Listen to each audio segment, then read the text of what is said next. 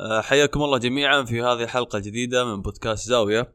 آه، اليوم معي الصديق العزيز آه، فلاح العمر. حياك الله أبو هادي. الله يحييك يا أبو عيد. طبعا قبل تسجيل الحلقة كنا نسولف أنا أبو هادي عن موضوع شيق يعني. وأنا اعتقدت أن الموضوع هذا لو مسجل في بودكاست بيكون بيكون أفضل يعني. نطرح للجميع احسه موضوع يعني مناسب للمشاركة ويعني نشارك أطراف الحديث زي ما يقولون. فأبو هادي كان عنده ملاحظات على الم- المجتمع آه، وعلى بعض التصرفات اللي يعتقد إنها هي آه، ما فيها ضرر على الناس ولا على المجتمع وتكون مقبولة ولكنها هي غير مقبولة. آه، بنشوف هل هي مقبولة ولا غير مقبولة وش وش اللي يقصده هادي بالضبط.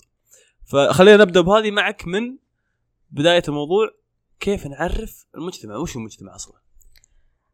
أجد إنه أفضل في نظري أنا وما يتبع كلامي في بقية البودكاست هو في نظري أنا كفلاح فقط.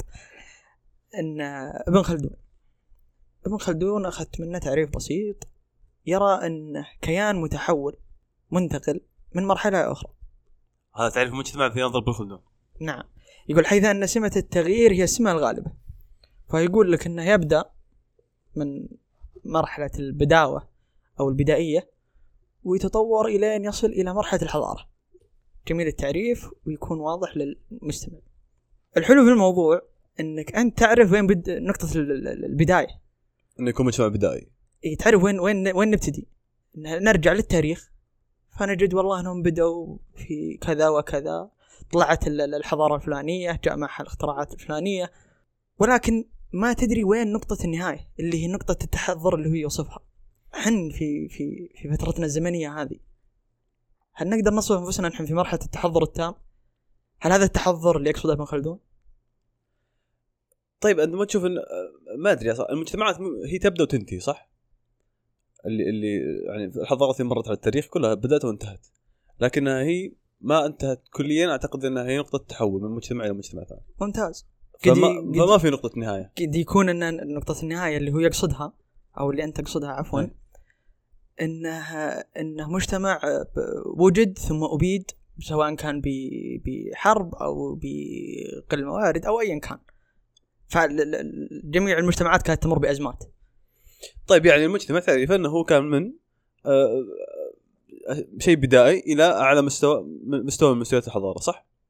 ممتاز ولكنه متى نقدر نسميه إن إحنا وصلنا لمستوى الحضارة المقصود في التعريف؟ اي أنت الحين بس عرفنا المجتمع. الحين نعم. نبغى نعرف إلى أي مستوى إحنا واصلين في الحضارة. هذا قصدك. نعم. طيب. فهمت؟ ممتاز. فبدال ما إني يا أخي أروح ثم آخذ المجتمع ك... ككيان كامل وأبدأ أخوض لي في دائرة قد تكون أكبر مني. فقلت خلني أبدأها بالفرد. ممتاز. لأن في النهاية المجتمع يعني مكون من أفراد. أنا وأنت نقدر نكمل نكون مجتمع عادي. فاللي شدني اللي شدني إن في جانب جانب مر علي في أحد الكتب. كان كان اسم الكتاب سيكولوجية الجماهير للكاتب جوستاف لوبون فكان يتكلم عن الفرد وكيف تأثيره داخل المجتمع. طبعا هو ما استعمل كلمة المجتمع استعمل كلمة الجمهور. فكان يقول كان يقول إن الفرد داخل ال- ال- ال- الجمهور يفقد شخصيته الواعية أنا لما أقول لك ذا الكلام تقول سلامات ما يصير. كيف الواحد يعني يصير يقرب رجل آلي؟ ما ما تجي فيقول هيمنة الوعي وهيمنة اللاوعي على الفرد. على الفرد. لحظة ثنتين هيمنة. لكن الأولى متى تكون؟ لما تكون أنت لحالك. هذه هيمنة الوعي قصدي. نعم تكون أنت لحالك. هذه الحالة الطبيعية لك. لكن اللاوعي كيف إنه يهيمن علي فتكلم في جزئية. قال من ضمن الأسباب اللي تخلي اللاوعي يهيمن إنه يقول لك إن الفرد داخل حيز المجتمع أو الجمهور. يشعر بالقوة. يشعر بالقوة فيظن إنه ما حد يقدر عليه. فقد قد تترجم أنت ك... ك... كمتفرج على الحالة قد تترجم الأفعال هذه بأنه ما في إنسان عاقل يكون بهذه الأشياء. ولكن السبب اللي يتكلم عنه الكاتب هو إنه يفقد الحس بالمسؤولية. طبعا هذه هذه جزئية إنه يفقد الحس بالمسؤولية. اللي أنا أتوقعه أو في منظوري أنا وأعوذ بالله من كلمة أنا إنه يرى بأن المشكلة إذا قسمت على أكثر من شخص فهي أهون. مثل ما هو منتشر عندنا الموت مع الجماعة أرحم. فيراها أهون. أتوقع أن هذا جانب معين. الجانب الثاني هو فعلا أنه يرى أنه خلاص ليه ليه ليه أفكر بالمسؤوليات أصلا؟ أنا معي جمع هائل. وبمناسبة أنه صدف صدف تسجيلنا لهذا البودكاست يعني في اليوم الوطني نهني أول شيء بكره اليوم الوطني. نهني الشعب السعودي يعني بمرور 92 عام. ولكن هذه فترة جميلة علشان حنا نشوف هل الكلام الكاتب هذا فعلا منطقي وموجود في المجتمع ولا لا؟ عشان نقيسه يعني يكون واضح يكون يكون مقياس ولكن ما هو بالمقياس الثابت ولا القوي. شرح الفكرة يعني. نعم. راح تتفاجأ انه بتنتشر فيه مقاطع الفترة الساعة القادمة مقاطع تشوف يا أخي أنت بنفسك إنك تقول يا أخي ليه؟ هذا إذا كان هذا إظهار الولاء والامتنان للوطن فأنا شكلي أنا إنسان غير وطني. الظهور في في دراج السيارات رفع الأغاني ما ألقى لها وصف إلا ان الترقص في ترقص يصير بأشكال كثيرة. سواء فوق السيارة تحت السيارة جنب السيارة في أماكن ضيقة في أماكن تفاجئك. ولا اللي يصرخ ويصيح ويركض في الشارع كل التصرفات هذه يعني. اللي يصرخ ويصيح لكنه ما تجد الحالة. أنا في في ملاحظتي إنه أنا كنت سابقا من ضمن هذا الأشخاص. كنت أظن يا أخي إنه يوم وطني لابد إني أحتفل. كيف أحتفل؟ أرقص. Okay. لكنه مو شيء أنا فخور فيه لكنه شيء كان يصير. انت الحين بس تشرح الظاهرة يعني اللي يقصد فيها الكاتب. نعم. Okay. انه انه فيه فيها أشياء أن الفرد لما يكون مع الجماعة ما يحس بالمسؤولية. نعم قد يكون. لو تجلس مع الشخص هذا أنت وياه لحالكم يا أخي قد تنبهر مما يحمل من كم هائل من المعلومات ومن الثقافة ومن الرزانة. إلا أن في هذا الجمع يفقد الشيء هذا. يفقد الشيء هذا. هذه هيمنة اللاوعي اللي تقول عنها. هذه هيمنة اللاوعي آه. وبالعادة بالعادة إن الجمهور هذا لابد انه يكون فيه محفز. هذا قلنا للنقطة الثانية. النقطة الثانية يقول لك إن هناك عدوى عقلية أو ذهنية. يعني قد تجعل الفرد يتبنى أفكار لم تكن بالأساس ذات شأن كبير لديه. هذا إذا ما كان ضد هذه الفكرة أساسا. فقد تلقاه إنه قبل اليوم الوطني تلقاه يقول إنه يا أخي لا أنا أشوف إن هذا يا أخي همجية إن أطلع وأقعد يا أخي أزعج الناس وقد يعني أسبب يا أخي ضجة في الحركة المرورية يعني أشياء كثيرة. لو يروح مع الجمع هذول؟ بيسوي زيهم. هناك هناك عدوى هناك عدوى تنتقل. في آه. مثال ثاني مثال ثاني اللي هو حتى حتى يعني قد شفناها في أكثر من من مشهد. ضحكة. لما يكون في جمع وفي ناس يضحكون أو واحد يبدأها بضحكة تلقى العدوى تنتشر ولكن بنسب متفاوتة. فيه اللي بيطالع فيه وبيبتسم. إحنا ما ندري ليه أبتسم قد يقول يا أخي الحمد لله أنا مثل عقل. ولكنه أبتسم. والثاني قد يضحك معه. وتستمر العدوى في الانتقال. فأتوقع هذا هو اللي يقصده بالعدوى العقلية أو الذهنية. عجيب. عجيب. لأن مثال الضحكة ما ما جاء في بالي. أنا جاء في بالي بس يعني أنت حطيتها بمثال اليوم الوطني خلاص مخي ثبت على اليوم الوطني. لأنها تقاس على أشياء كثيرة. يعني لو بتقيسها حتى تتوقع على المباريات الجماهير اي أشياء كثيرة. أي شيء في جمع يعني. اي هو قال لك حتى في تعريفه للجمهور قال إنه تجمع اثنين أو ثلاثة لا يشترط الجنس لا يشترط العرق لا يشترط حتى الموطن. ولكن إما اجتمعتوا بالصدفة أو بفعل فاعل. هذا تعريف الجمهور عنده. أوكي. بشكل عام يعني. يعني هذا هذا في الكتاب حق تعليقي أنا على هذا الموضوع إنه ما هو من الضروري إن جميع النظريات هذه تكون سلبية. يعني إحنا أخذنا الآن الجانب اللي إحنا ننظر له بأنه سلبي. لكن في جوانب إيجابية. يعني لو تنظر في التاريخ وفي في مثلا في معارك المسلمين أنت حتى قد يصيبك الشك بأن التاريخ هذا ما بصحيح. لما لما تنظر إلى الأطراف إنه والله جيش المسلمين 3000 4000 والفرس أو الروم أو ايا كان يا ولد 50 60 ألف ومع ذلك ينتصر المسلمين. فهي تلعب على نفسية الفرد داخل هذا الجمهور أو المجتمع. فتلقاه يعني يوم قلت لك يتبنى الأفكار تلقاه يا أخي خلاص عنده اعتقاد وإيمان بأن هذول اللي معهم اما النصر أو الشهادة. فتجده يؤدي أداء ممكن ما يؤديه لو يكون الحال. فهي إيجابية وسلبية ولكنها تحتاج إلى التوجيه. هذا شرح للظاهرة نفسها حقت ان ان, إن يكون الفرد مع الجماعة. إيه. طيب كيف كيف يكون إيجابية موضوع لما يكون الفرد داخل الجماعة ما يشعر بالمسؤوليه كيف هذه إذا ما يشعر بالمسؤوليه هل هذا شيء إيجابي ولا سلبي أصلا؟ ما فهمت سؤالك. يعني الحين إحنا لما نقول الفرد يكون داخل جماعة ممتاز. يفقد حس المسؤولية صح؟ يصير الهيمنة اللي عليه هيمنة لا عقلية.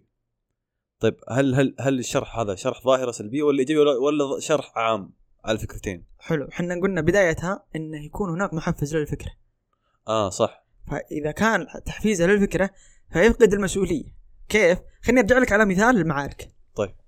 أنا لو جيتك يا أبو عيد وقلت لك على وقتهم وقت الحروب والمعارك. انه إحنا ترى إحنا 2000 يا أبو عيد؟ ترى إحنا بنواجه 60000 تجلس بينك وبين نفسك أنت لا ترى أي فرصة للفوز ولا الانتصار مم، العقليه اللي جتني فيها عقليه انهزاميه لأنك في في في في لحظتها أنت بينك وبين نفسك تفكر يا أخي بمنطقية وعقلانية. كيف إن 2000 يفوزون على 60000 قد يبدو يعني من ضرب الخيال. فهمت؟ صح. فأنت لما تكون مع الجمع أنت فقط تحس المسؤولية من ناحية الفوز أو الموت. طبعا هذا من من من جانب منظور ال- ال- الكاتب. أوكي. إحنا ندري يعني إن إحنا شهداء وان إحنا بنروح الجنة ويعني هذه- هذه إيمانيات واعتقادات. وهذه برضو محفزات يعني. وهذه أتوقع إنها هي المحفزات اللي يتكلم عنها يعني اللي تنشر داخل الجمهور. وللامانه يعني الكتاب جميل ولكني أنا ما حبيت إني أنا أتعمق فيه. لأنه يحتاج له الكثير من الوقت. يعني نتكلم عن حتى كيفية إن ال- ال- الرؤساء يقومون بهذه الأشياء لتمرير أفكار. هو راح جانب سياسي هو الكتاب اي صح؟ فجانب سياسي بحت. مم. حتى انه أصلا كان الأشخاص اللي يجونه آه، روزفلت رؤساء أمريكا يعني كانوا يجونا إن علمنا كيف. ما يهمني من الشخص اللي جاه يهمني إنه منصب أو مكانه مثل رئيس يجي يتعلم من هذا الكاتب. معناته إن الكاتب هذا عنده عنده منظور جميل. عنده منظور يا أخي يستحق إن الواحد ينظر له. يوم قريته أنا كان المثال الوحيد اللي أنا أقدر عليه. المجتمع اللي حولي. من أصدقاء من من عائلة اولا إلى أصدقاء إلى أقارب إلى إلى المجتمع. بالضبط. فهذا من ناحية ال- ال- ال- الفرد. طيب الحين إحنا عرفنا المجتمع. وعرفنا الفرد كيف تصرفاته عند المجتمع. طيب ممتاز. إحنا الحين عرفنا انه يا أخي إن الفرد هذا إنه قد لا يكون بالضرورة إنسان سيء ولا إنسان جيد. لكن سلوكياتها تحكم عليه لما يكون داخل جماعة ممتاز. السلوكيات قد تتغير أو أي. قد تتأثر. Okay. سواء أدرك أو لم يدرك. لأن أحيانا يكون فيه إدراك متأخر. فإحنا ما نبغى نصل إلى الإدراك المتأخر. إحنا يا ليت يعني يا ليت إنه يكون فيه آه، احترازات. الجانب الثاني يا أبو عيد إذا تسمح لي هو يدمج ما بين النفسي والعاطفي. فيوم شفت إنه يدمج ما بين النفسي والعاطفي قررت أدمج منظورين. الأول كان لابن خلدون. خلدون يعني أتوقع إنه بيكون شماعتي في هذا البودكاست. أي شيء يعني رجع فهمت؟ خلدون عالم الاجتماع الأول في التاريخ ما شماعة الجميع هو مو عادي. ايقونه صحيح. للامانه ايقونه فابن خلدون وعندي يعني لو تلاحظون فيه يا ولد كذا فيه فراغ زمني بين الاثنين. إسماعيل عرفت. إسماعيل عرفت؟ طبع الاكتاف في 2000 و 2020 أتوقع أو 2018 كان يتكلم عن الهشاشه النفسية. ابن خلدون إيش يقول؟ كان عنده دورة للمجتمعات.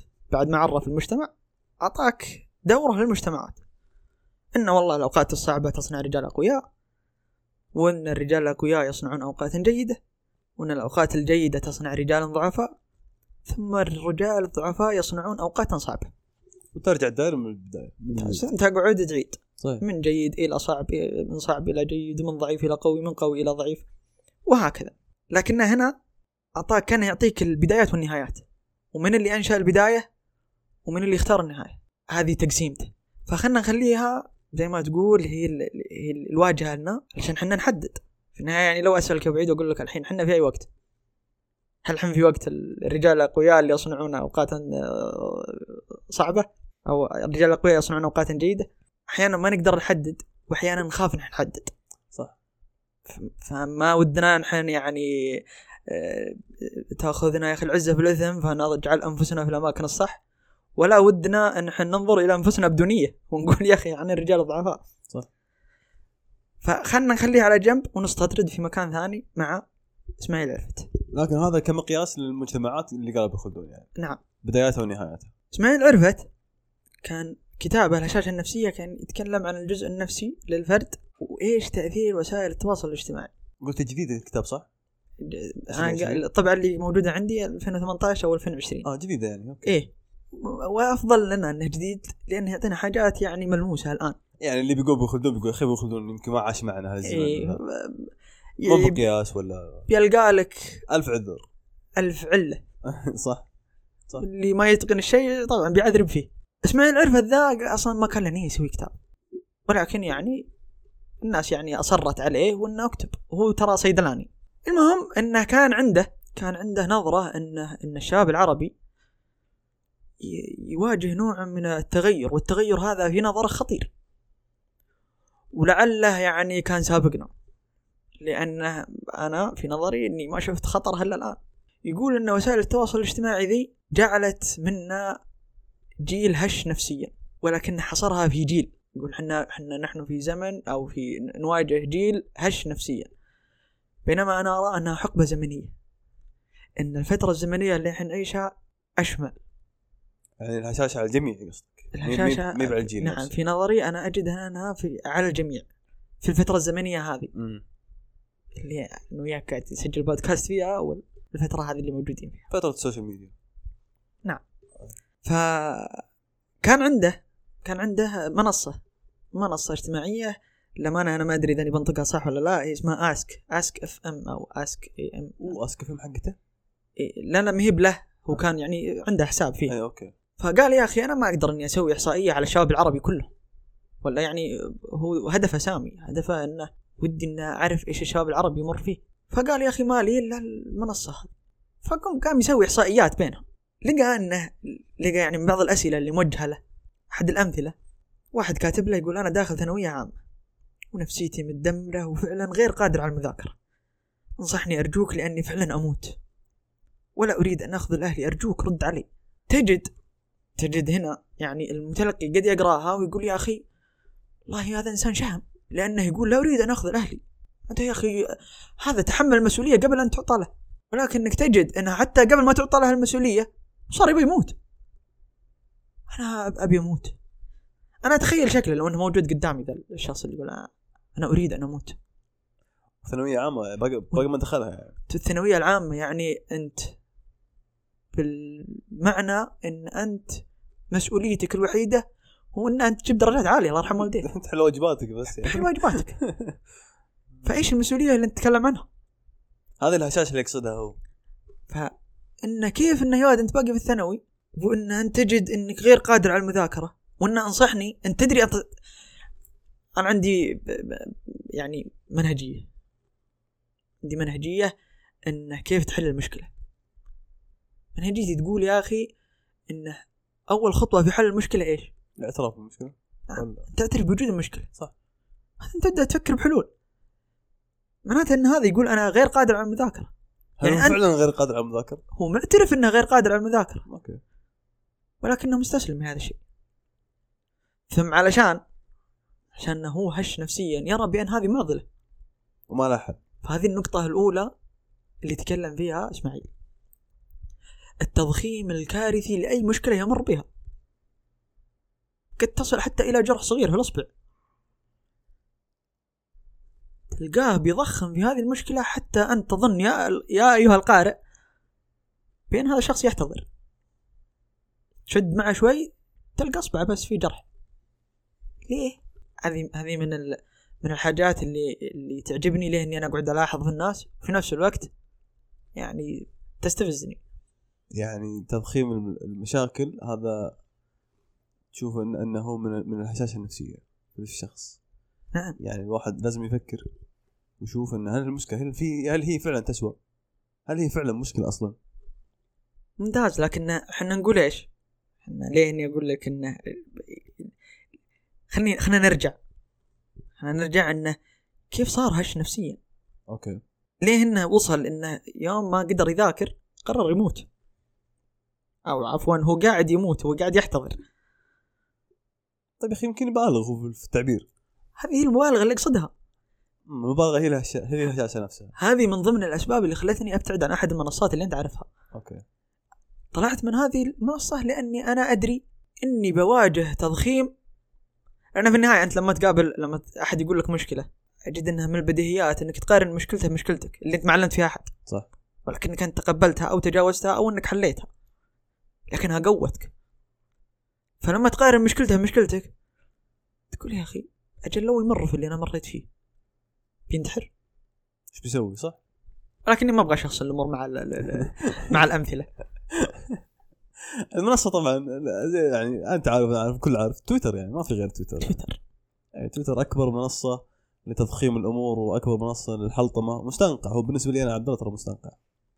يعني أنا أنا بالنسبة لي تويتر الحين صاير بس مرجع كذا حق أخبار حق مصادر معرفة حق أشخاص كذا يشاركون اقتباسات من من مصادر معرفه أنا أحتاج إني أتعلم فيها زيادة بس غير كذا لا معلش أنا ما اقضي وقتي فيه. أنا حاولت والله يا وعيد حاولت إن إني أنا أكون بالاستعمال هذا ولكن يجيني كل شوي ومكتوب promoted أنا ما أدري إيش إيش إيش الطريقة ولكن خوارزمية تويتر ترى مستفزه إيه. إيه انه كيف إنه promoted يعني ليه؟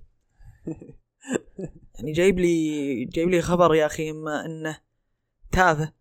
بعدين ملاحظ شغلة. طيب هذا ما هشاشه نفسية يا أبو هادي لا هذا بس هذا استطراد جانبي غير ذا. أنا ملاحظ شغلة في تويتر انه انه صارت البديهيات بديهيات في الحياة. يا ولد تستقطب كم هائل من الإعجاب ومن ال... آخ ضربت على وتر حساس جدا أنت. الحين البديهيات صارت تشرح. كيف؟ ليه؟ هل كيف كيف فقدت أصلا عشان تشرح؟ يعني هذه ترى هذه مشكلة صدق كبيرة يعني. عشان كذا قلت لك انه يا ولد يضخم من هذه المشكلة لأنه يريد جلب التعاطف. لاحظ هنا ما زلنا في الهشاشة النفسية. بس معلش عادي أرجع لموضوع البديهيات ليش قاعدة تشرح؟ أو ليش يعني الناس تلقى إعجابات كثير على البديهيات؟ أنت لما جبت طاري موضوع إن أثر ال social media على المجتمع الحين أعتقد إن هذا هو.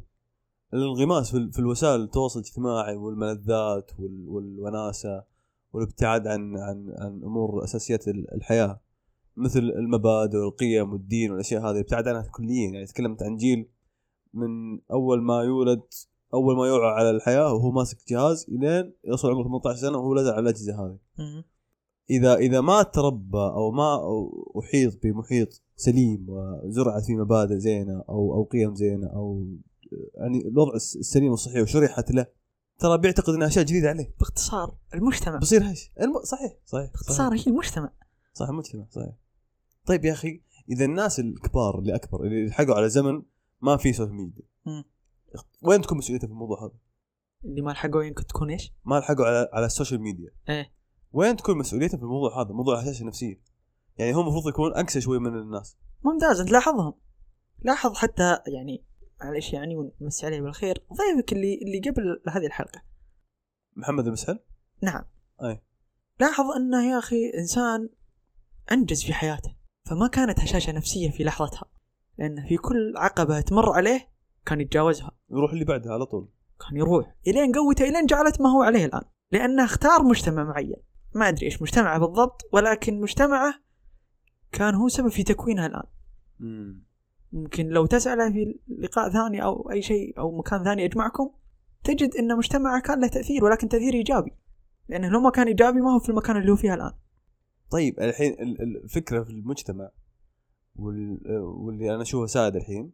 طيب تعزيز فكرة الوحدانية يعني ما عاد في مجتمع. صار واحد يعيش لحاله الحين. جالس في غرفته يلعب PlayStation عنده PC. آه gaming إلى آخر الليل آه تيك توك أي شيء يعني. ففعليا الحين ما عاد في مجتمع. اللي انت يعني هو مو هو فعليا على كل الناس بس إن الظاهره هذه موجودة وتشوفها بكثرة يعني. هذه واحدة من الأسباب اللي تسبب هشاشه نفسية إن الواحد يكون معزول بوعي أو بدون وعي يعني. فاللي ما يوعى على المشكلة هذه ذكرتني في في شمس الدين التبريزي. إيه. أحد الكتاب والأدباء كان يقول يا أخي إيش الفرق بين ال- ال- أنا اللي يخليني حتى برضه يعني مهتم في اللغة إن مفردات اللغة العربية تجد فيها دقة في وصف الأشياء. لو تسأل السؤال ذا الواحد ثاني يقول يا هي نفسها العزلة هي الوحدة. صح. ولكن لا لكل مفردة لها تعريف معنى. معين. مم. ففي تعريفه يقول إن العزلة هو إنك أن تكون محاط بالناس ولكن تختار أن تنعزل عنهم. ولكنك ما زلت تعلم بانك تحتاج إلى شخص يكون مرآتك. أما الوحدة فهي إن الناس حولك ولكنك أنت ما زلت تشعر بأنك وحيد. ويخيل لك إن جميع قراراتك اللي أنت تتخذها في هذه الحالة النفسية هي الصائبة. فتجد من بعض القرارات اللي يتخذها إنه يروح يكتب في تويتر أنا أريد أن أموت.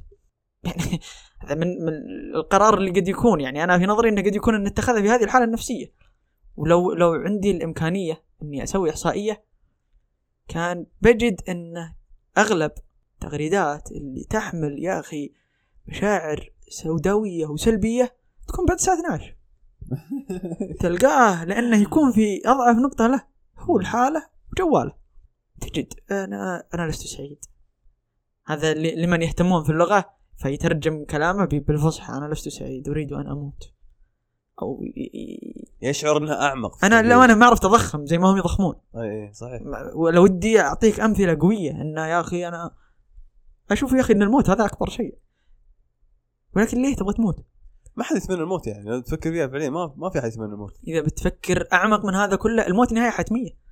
صح. تمنيته ما تمنيته بشيء جاي لك. من جانب ديني على هذا الموضوع الله في كتابه الكريم يقول ما أصاب من مصيبة في الأرض ولا في أنفسكم إلا في كتاب من قبل أن نبرأها. أي أنك تعلم تعلم بأن الأشياء هذه قد قدرت لك لحكمته. لذلك فيها فيها راحة وطمأنينة لكي لا تأسوا على ما فاتك. لكن السؤال هل هل كل الناس عندهم الوعي هذا في في في المشكلة؟ أو يعني أنا الحين لو جاتني مشكلة يا أخي بيجيني الحين فلاح ويقول لا تغرد في تويتر. يا أخي أبغى أغرد يا أخي. أبغى اتحلطم على المشكلة ممتاز. أنا ما أمنعك. وين مشكلتك الموضوع؟ مشكلتي في التضخيم. أنت بنشر عليك كفر. خلاص بنشر. صلح وامشي ها؟ هل كليتك راحت؟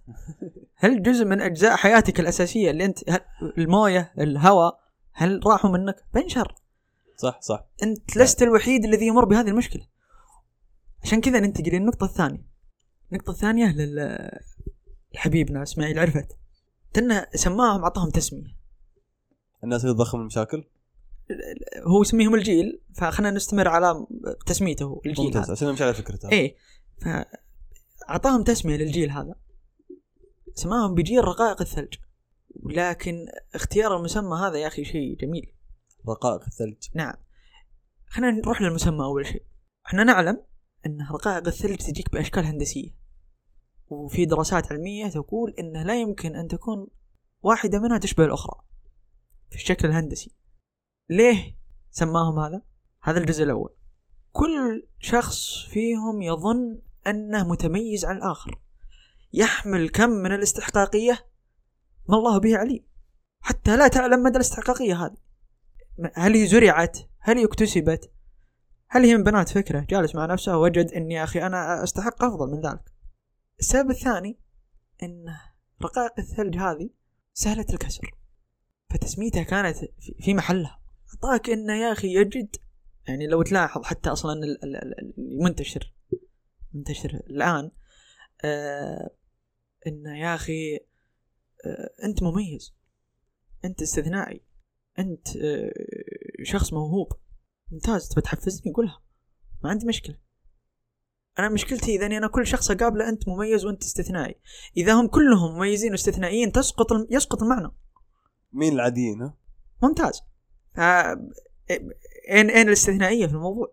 يعني الحين اللي تشوفه في المجتمع المشكلتين الرئيسيه حاليا. م.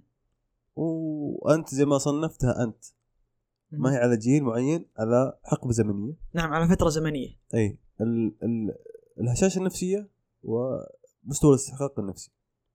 لا لا الهشاشه النفسية هي هي هي المظلة. آه تحتها الاستحقاق النفسي. نعم الاستحقاقية هي اللي جعلتها هش لأن في كل مرة ما ما يحصل الشيء اللي يبغاه يرجع ويقول أريد أن أموت. فينكسر. فينكسر. فيصبح في النهاية هش نفسيا. تجد إنه يا أخي الواحد ما عاد يبغى يحاول. ما عاد يبغى يحاول إنه والله يرتقي. أو إنه يا أخي لا ترتقي. أنا ما اطلب منك ترتقي. ولكن المشكلة اللي أنت تمر فيها عط المشكلة حقها. فكر استشر. مشكلة أسرية في الوظيفة في, في الحياة في الاصدقاء في أي احد ممتاز. أي مشكلة. أي مشكلة. أي مشكلة يا أخي عطها حقها. لا تروح على طول للنتيجة حقتها. طبعا ب... ب... في أحد بيقول لك يا أخي طيب أنا فكرت فكرت يا أخي ما لقيت حل. ممتاز. أنت تمر بضغط نفسي ياثر على على على عقلك وعلى وعيك. أنت تحت تأثير مؤثر. ما يقدر يقرر. ما قدرت تقرر. ممتاز. لازم إنه يكون عندك يا أخي شخص تستشيره. إما أب إما أم إما أخ كبير إما أخت خال عم ايا كان صديق. عندنا عندنا مثل في في الديرة. قال لي ما له شوير شوير الشيطان. هي نفسها إنك لما تكون في الوحدة فيخيل لك أن قرارك صح. يعني ما هي إلا تخيلات. أنت تشوف إنك ما أنت قادر تحل مشكلتك.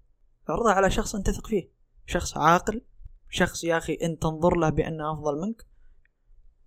هذا مع إنه يعني أتوقع إنه شبه مستحيل لأنك تظن ان أنت تحمل من الاستحقاقية الكثير فالظاهر ما في أحد أحسن منك صحيح ف يعني خليك واقعي يعني لا, تصير والله أنت اختصرت عليه شيء كثير اي نعم. خليك واقعي يعني. يا أخي عيش الواقع ال- ال- الأشياء اللي أنت تشوفها في الأفلام مسلسلات بس طيب تدري شو المشكلة الحين؟ أنا الحين وأنت قاعد تتكلم قاعد أتذكر أو قاعد أشوف أشياء في في مخيلتي موجودة في الواقع الحين. لما بتقيسها أنت على الأفلام وال- والمسلسلات بقول يمكن عايش الرجال في غير الواقع. لكن أنت لف على الواقع شوفه. في ترويج ترى للمثالية والاستحقاقية وفي ترويج للبطولات وفي ترويج لل إنك تكون أفضل تكون أحسن فالفكرة حولك حواليك ترى مم. حتى حتى حتى برا برا خيالك ومجتمعك ال- ال- السينمائي هذا يعني مم. اطلع الواقع تشوف فيعني الفكرة ما تقدر تنحاش منها ما تقدر تهرب منها نهائيا لا. أنا الحين قاعد أنا قاعد مو ببرر لهم. قاعد أشرح اللي أشوفه الحين. ممتاز. زين؟ فالصغير أو اللي غير واعي المشكلة هذه آه، لما يحط على نفسه حمل حمل إنه يستحق أعلى يستحق أكثر يستحق أفضل آه، يمكن يا أخي إمكاناته ما توصل للمستوى هذا يعني. أو يمكن ما عنده المهارات والمعرفة اللي توصل للمستوى هذا. يحتاج عدد من السنوات عدد من المهارات عدد من الخبرات اللي اللي تؤهله للشيء هذا. فهو ينقز من نقطة A إلى نقطة Z ويقول ليش ما استحقيت نقطه Z طيب أنت مر على بي وسي ودي واي واف جميل إيوه. هذا هذا اللي هذا اللي صاير الحين يعني.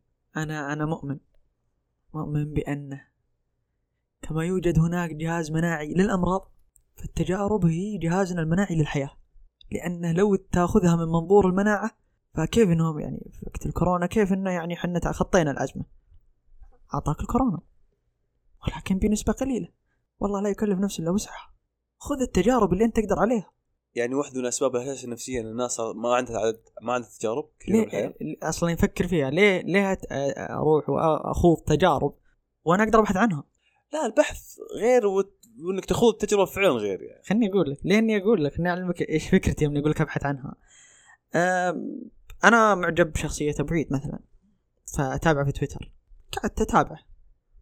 يوم من الأيام أبو عيد غرد في تويتر. صارت لي المشكلة الفلانية حليتها بالطريقة ذي.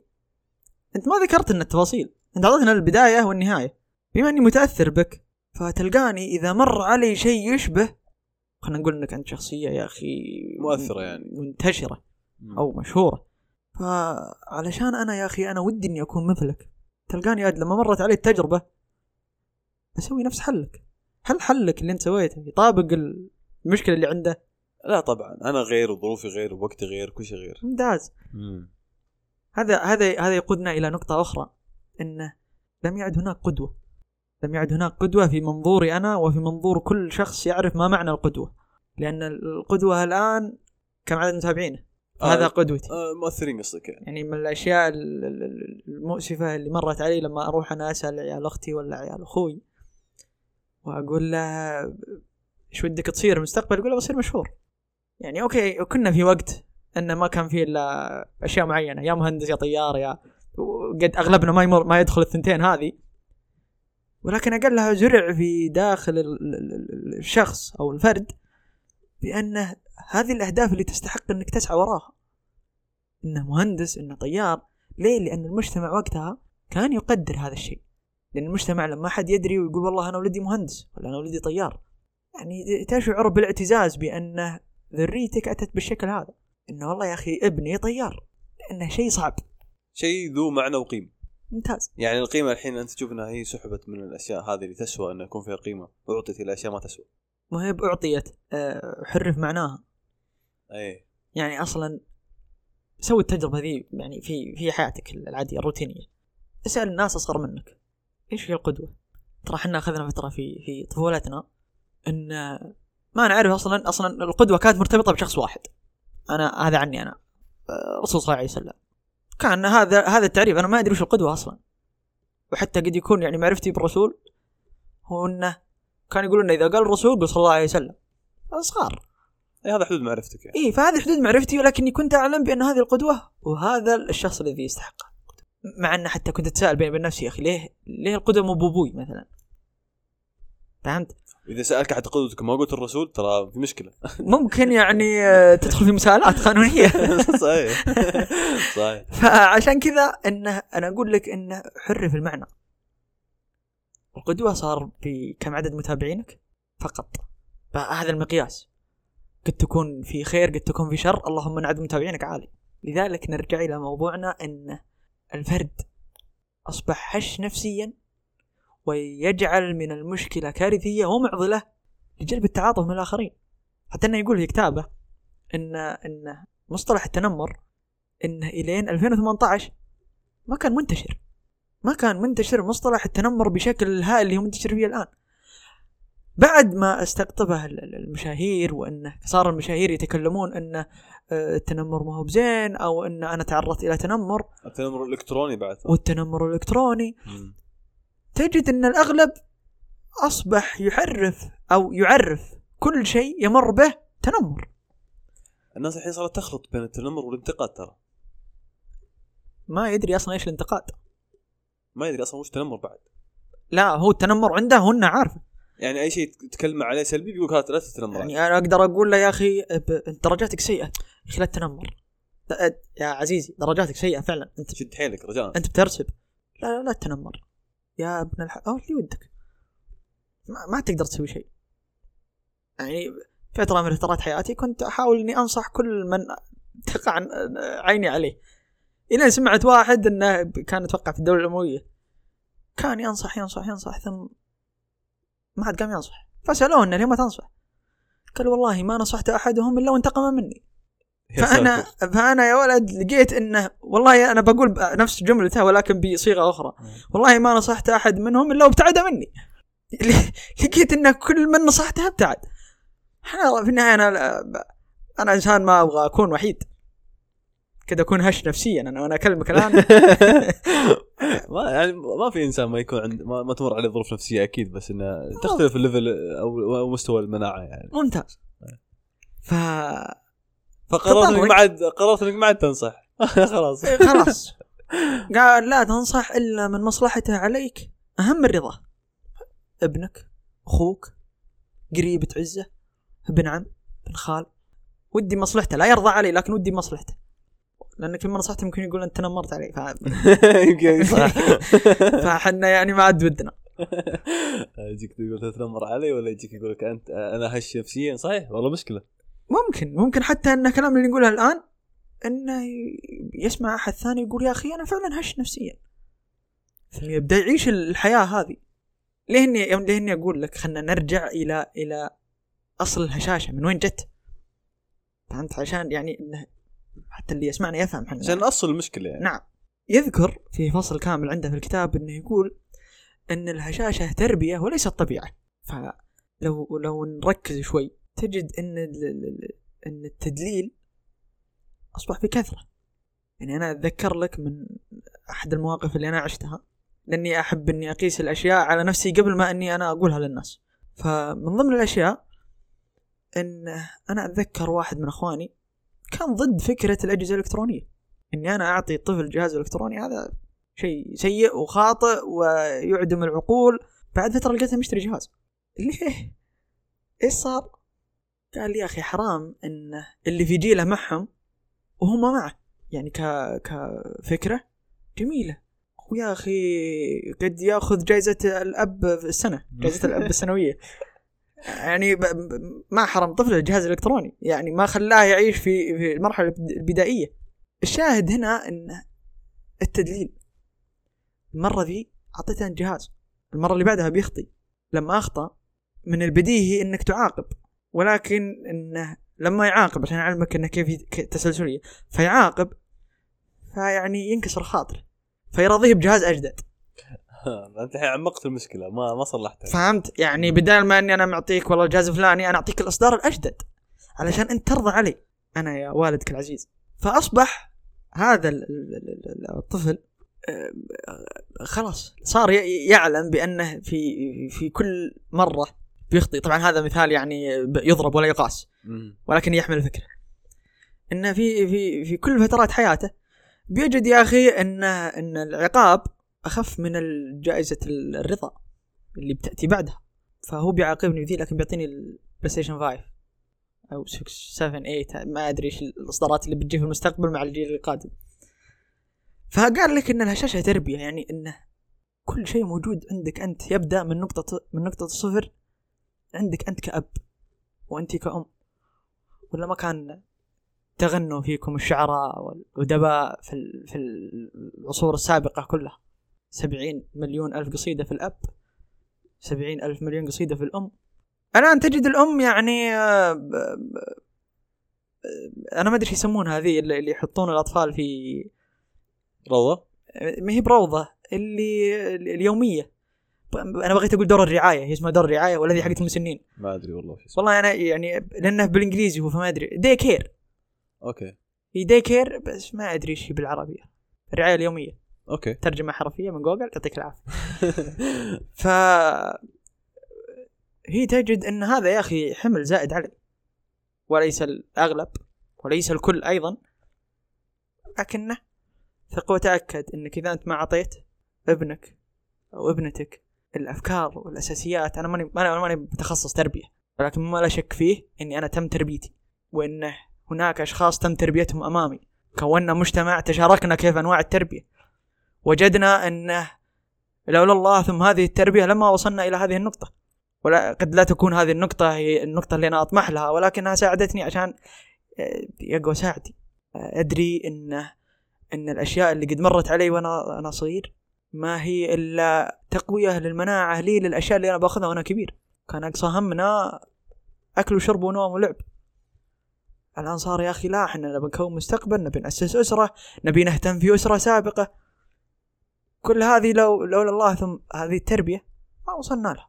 والآن تجد تجد إن هناك عند الجيل هذا أو ما هو بالجيل الفترة الزمنية هذه هناك لخبطة ما بين الكماليات والواجبات.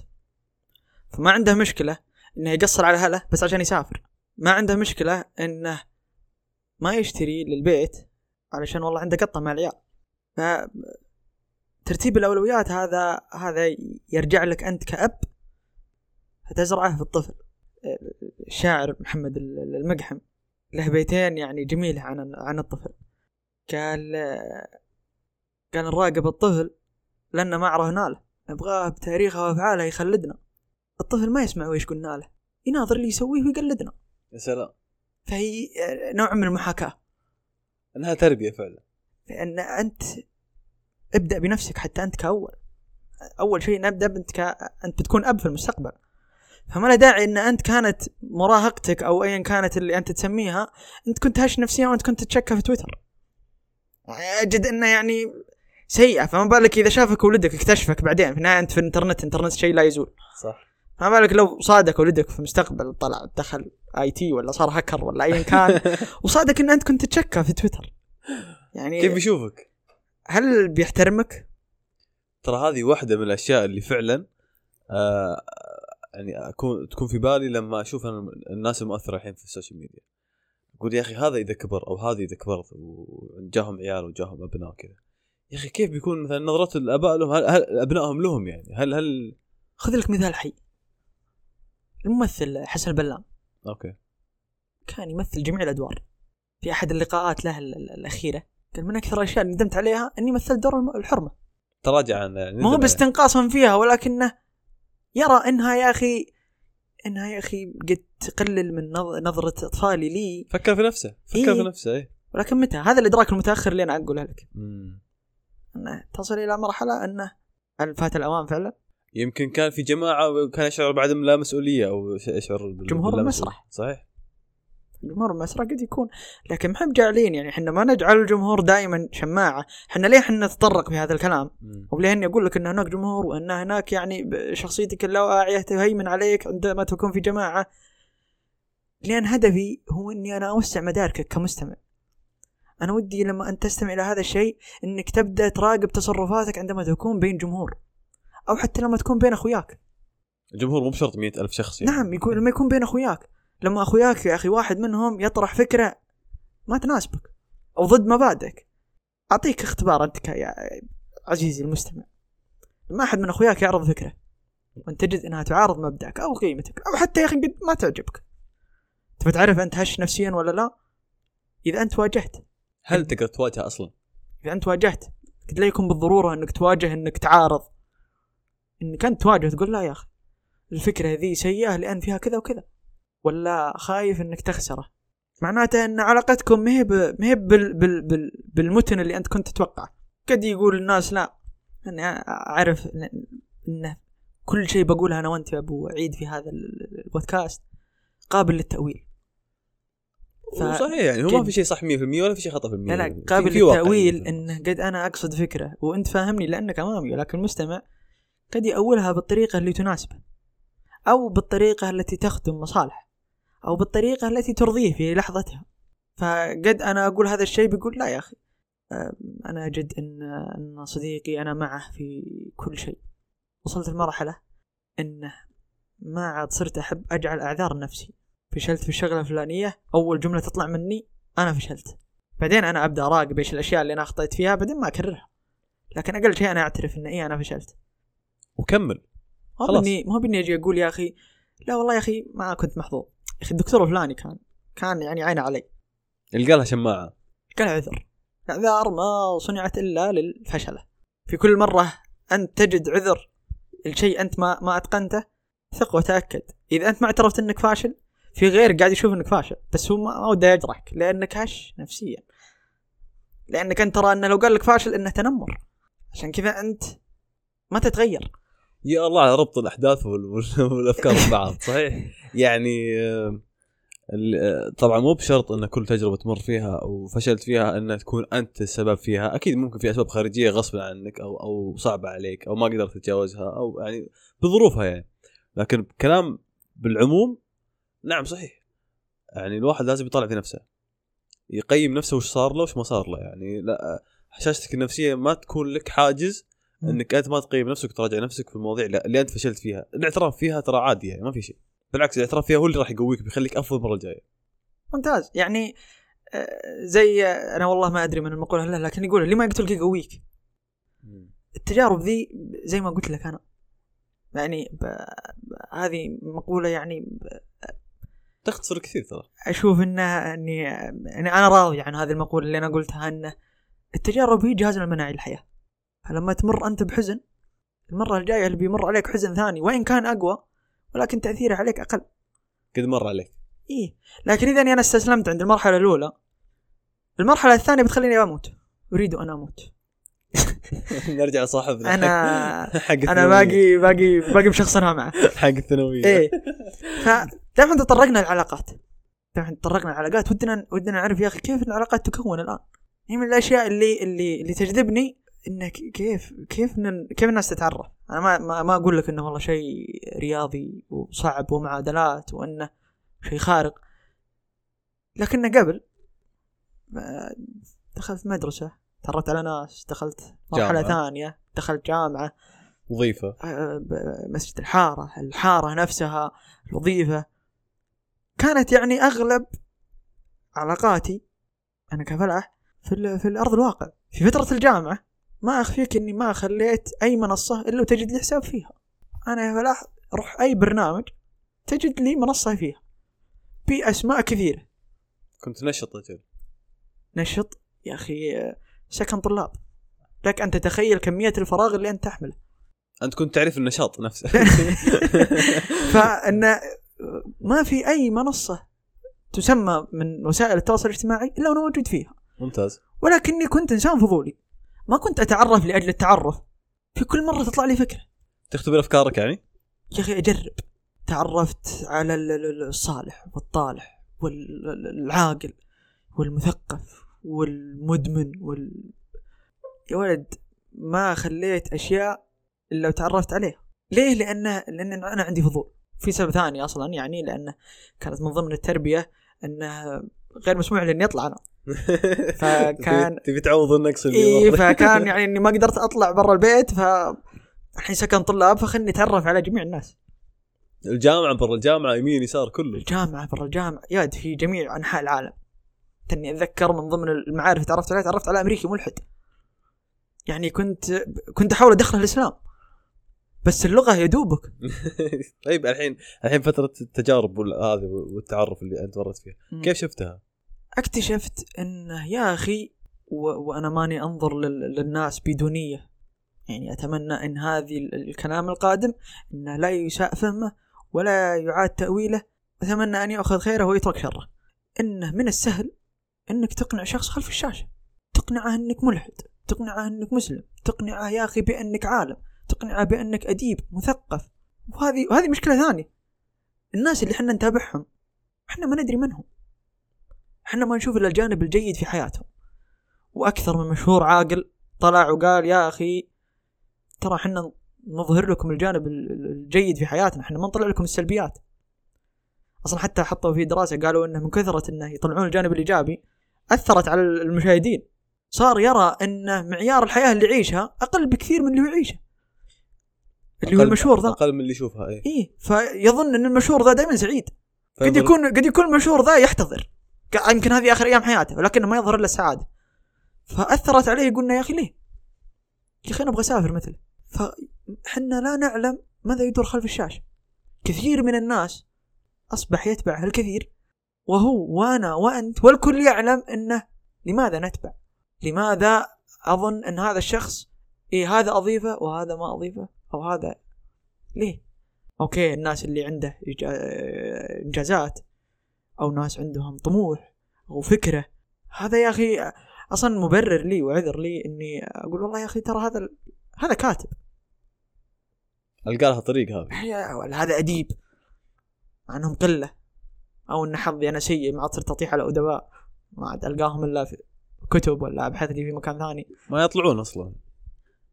اكتشفت بعدين إنها جلسات خاصة.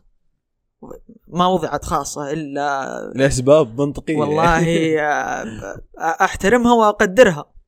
ال- الشاهد إنه كيف تنشا هذه العلاقات. إحنا الآن في في زمن السراح. ضغطة زر. يا ولد بتجيب لك اللي أنت تبغاه. من أقلها علبة موية إلى أكبرها تقدر تجيب آه، سيارة تطلبها من ايا كانت الدولة. وأنت في بيتك. وأنت قاعد في بيتك. تحط بياناتك. طق طق طق. وصلتك يوم ينزل هذا أسبوع شهر ايا كان. شاهد إنه بضغطة زر. حتى العلاقات صارت بضغطة زر. يعني خلني أقول إني تعرفت عليك يا أبو عيد ما في أرض الواقع تعرفت عليك عبر قناتك في البودكاست. عجبت يا أخي في في يا أخي فكرتك مرئياتك منظورك للحياة. اتفقت أنا وياك التقينا في أكثر من نقطة. ممتاز يعني علاقة جميلة. بعد فترة يعني صار بيني وبينك خلاف. ف إيش أسوي؟ تلقاني ما أواجهك. ببدأ ما عاد أرد عليك. أتأخر في الرد. أه بعد فترة آه، تلقاني أرد عليك بردود باردة. بعدها بوصل إلى إلى أقصى نقطة عندي ثم ببلكك. وانتهى. خلاص طويت صفحة الشخص هذا. محيتك من الوجود خلاص. نعم. لو تلاحظ أن هذه القرارات كلها اللي أنا قلت لك ال- أو التسلسل الزمني للأحداث ترى ما كانت ما هي بأحداث أصلا ما أسميها أحداث. أنا أسميها انك تأخرت في ضغط الزر. انك تاخرت في الرد انك انت تاخرت في ال block انت تاخرت في اتخاذ القرار. بس عشان يخليه منطقي بالنسبة له يعني. لأنك أصلا هش نفسيا لا تملك الجرأة لتواجه okay فهمت الحين نقطتك تبي توصل. قبل كنا إذا مر ولا هو أنا اتكلم عني أنا لكنه قبل كان في لحظة من دون وسائل التواصل الاجتماعي كان عندك مشكلة تروح تواجه. حتى في حتى في الغرب يعني. يعني ما هي بس ما هي بشيء العالم. كله يعني. إيه إنه يا ولد أنا عندي مشكلة معك. أنا ما عاد ابغاك لا صديق لي. عندي الجرأة إني أنا أقول لك هذا الشيء. في لحظة في اللحظة هذه في الفترة هذه مرت علي أكثر من مشكلة. مو بأنا شخصيا ولكن الناس يقولون لي مشاكلهم. أه فيقولون هو في مجموعة. أجد أن المجموعة تقول يا أخي بلكه وارتاح. طيب قبل ما تبلكه يا أخي قل له الصدق واجهه. أنا هذا كلامي أقول يا أخي واجهه.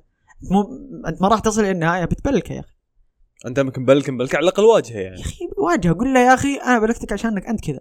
أنت إنسان سيء أنت إنسان فيك وفيك وفيك.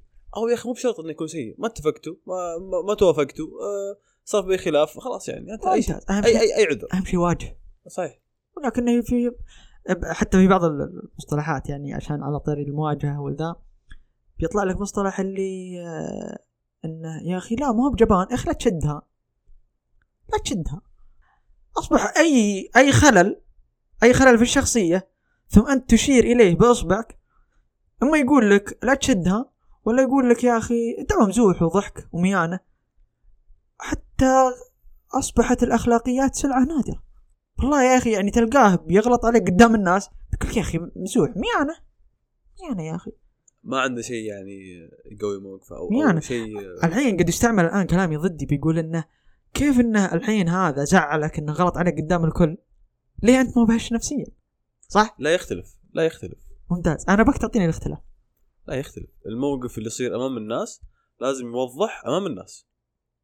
ال- الهشاشة النفسية اللي أنت لما تكون لحالك ولا تقع في مشكلة أول مرة وتبغى تنهي حياتك من الوجود تبغى آه، تتعب تمرض هذه هذه هشاشة نفسية. أي كلمة تنقال لك تنجرح منها أي شيء ينقال لك تتضايق منه آه، بس الموقف الخلاف اللي يصير بينك وبين الناس قدام الناس يعني الحين أنا وياك جالسين في جلسه هذه.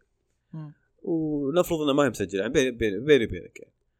آه، ال- ال- ال- الغلط اللي بيصير يختلف لما يكون الغلط قدام الناس في أربعة خمسة موجودين. آه، قيمته أعلى. ال- الخطأ وقع أكبر. فالشيء اللي يصير أمام الناس لازم يوضحه أمام الناس. ممتاز. ليه؟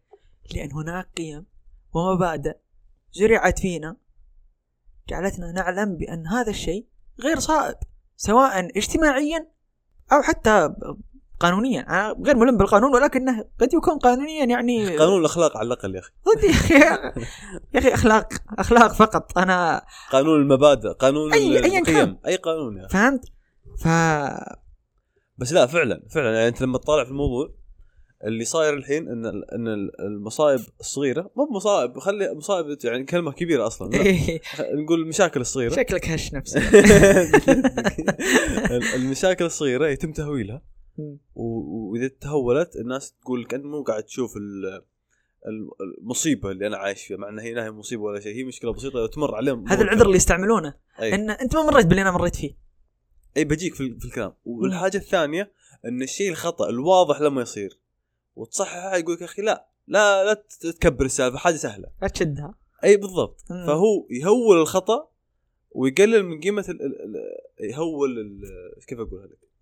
يهول المشكلة اللي صغيرة ويصغر المشكلة اللي هي أصلا كبيرة مم. ليه؟ لأنها تخدم أما قلت لك مصالحة أو إنه يا أخي تخدم فكرته إنه ما يتأثر صحيح. والله اللي اللي, بقول لك يا يا أبو عيد أنا عجبني يوم ذكرتني بنقطة يعني ما تطرقنا لها آه إنه إنه يقول يهول الأشياء. زين؟ تدري إن الآن أصبح أصبح من ضمن الفصول اللي تكلم فيها في الكتاب إن هناك موضة تسمى موضة الاضطرابات النفسية. أصبحت مبرر له. حتى إنه يقول لك فيها فيها جانب اقتصادي ترى أو جانب تجاري. تلقاه يقول لك يا أخي آه واحد من ثمان أشخاص يصابون بالتوحد. تبدأ تشك أها. أوكي. هل أنا واحد من الثمانية ولا لا؟ أنا هل أنا يعني نسبة يعني تخوف والله. أنا الثامن. أنا شكلي أنا اللي فيني توحد. أعراضها كذا كذا. راجع طبيب نفسي. من ضمن ال ال ال ال الأشياء اللي سواها في منصة آسك إنه راح للأطباء النفسيين ال- اللي عندهم منصة آسك ذي. وراح يشوف الأجوبة حقتهم. الأمثلة والله ما معي ولكن من ضمنها انه تلقاها تجي مشكلة بسيطة. والله أنا أمي من ضمن الأسئلة أن أمي آه، منعتني من إني أروح مع اصدقائي ساعدني يا دكتور. إيش رد عليها؟ راجع طيب نفسي. مثال ثاني أه والله أنا أصدقائي آه، ما عاد يطلعون معي مثل أول. حتى انهم صاروا يطلعون بدون ما يعلموني. وذا الموضوع يعني مأرقني ومأزمني وما أقدر أكمل حياتي. راجع طبيب نفسي راجع طبيب نفسي كانت الاختلافات في الأجوبة كيف؟ إنه بدل ما يقول راجع طبيب نفسي لا. ضروري تراجع طبيب نفسي آه يضخمها. فيشدد من ضرورة انه لازم تروح طبيب نفسي لأنها تخدم.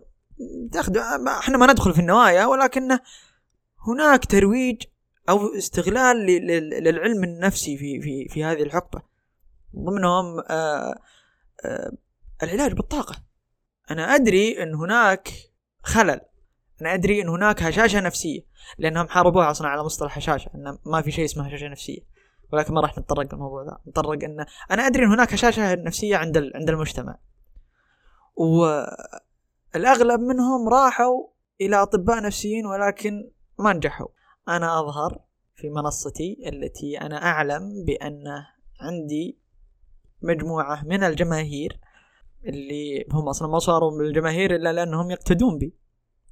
فأقول لهم قصة إحنا لا نعلم عن مصداقيتها وتحمل كثيرا من الثغرات. يعني أنت لو ركزت بس في القصة تجد إنك أنت طارح القصة من البداية قبل النهاية. ثم أجي أقول بفضل الله لأني أنا أروج لهذه الفكرة في عند المسلمين فأقول بفضل الله ثم الطاقة الفلانية أما كانت الجذب أما طاقة ال تدري أنا أنا تبسطني والله لأن أساميها غريبة.